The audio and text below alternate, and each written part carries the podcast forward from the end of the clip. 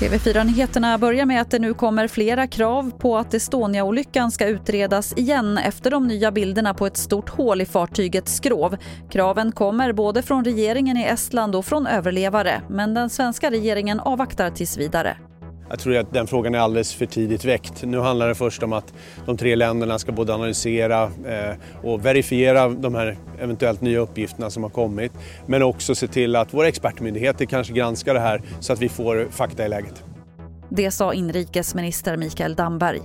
Preem drar tillbaka sin omdebatterade ansökan om att få bygga ut oljeraffinaderiet Preemraff i Lysekil. Beslutet ska ha fattats av styrelsen igår och koncernchefen säger att man istället ska sätta full fart mot förnybar produktion. Och till sist kan vi berätta att dansk och svensk polis har gripit 17 personer misstänkta för omfattande produktion och smuggling av cannabis till Sverige.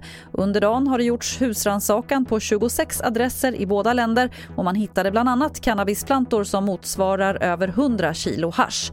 Det var det senaste från TV4 Nyheterna. Jag heter Lotta Wall.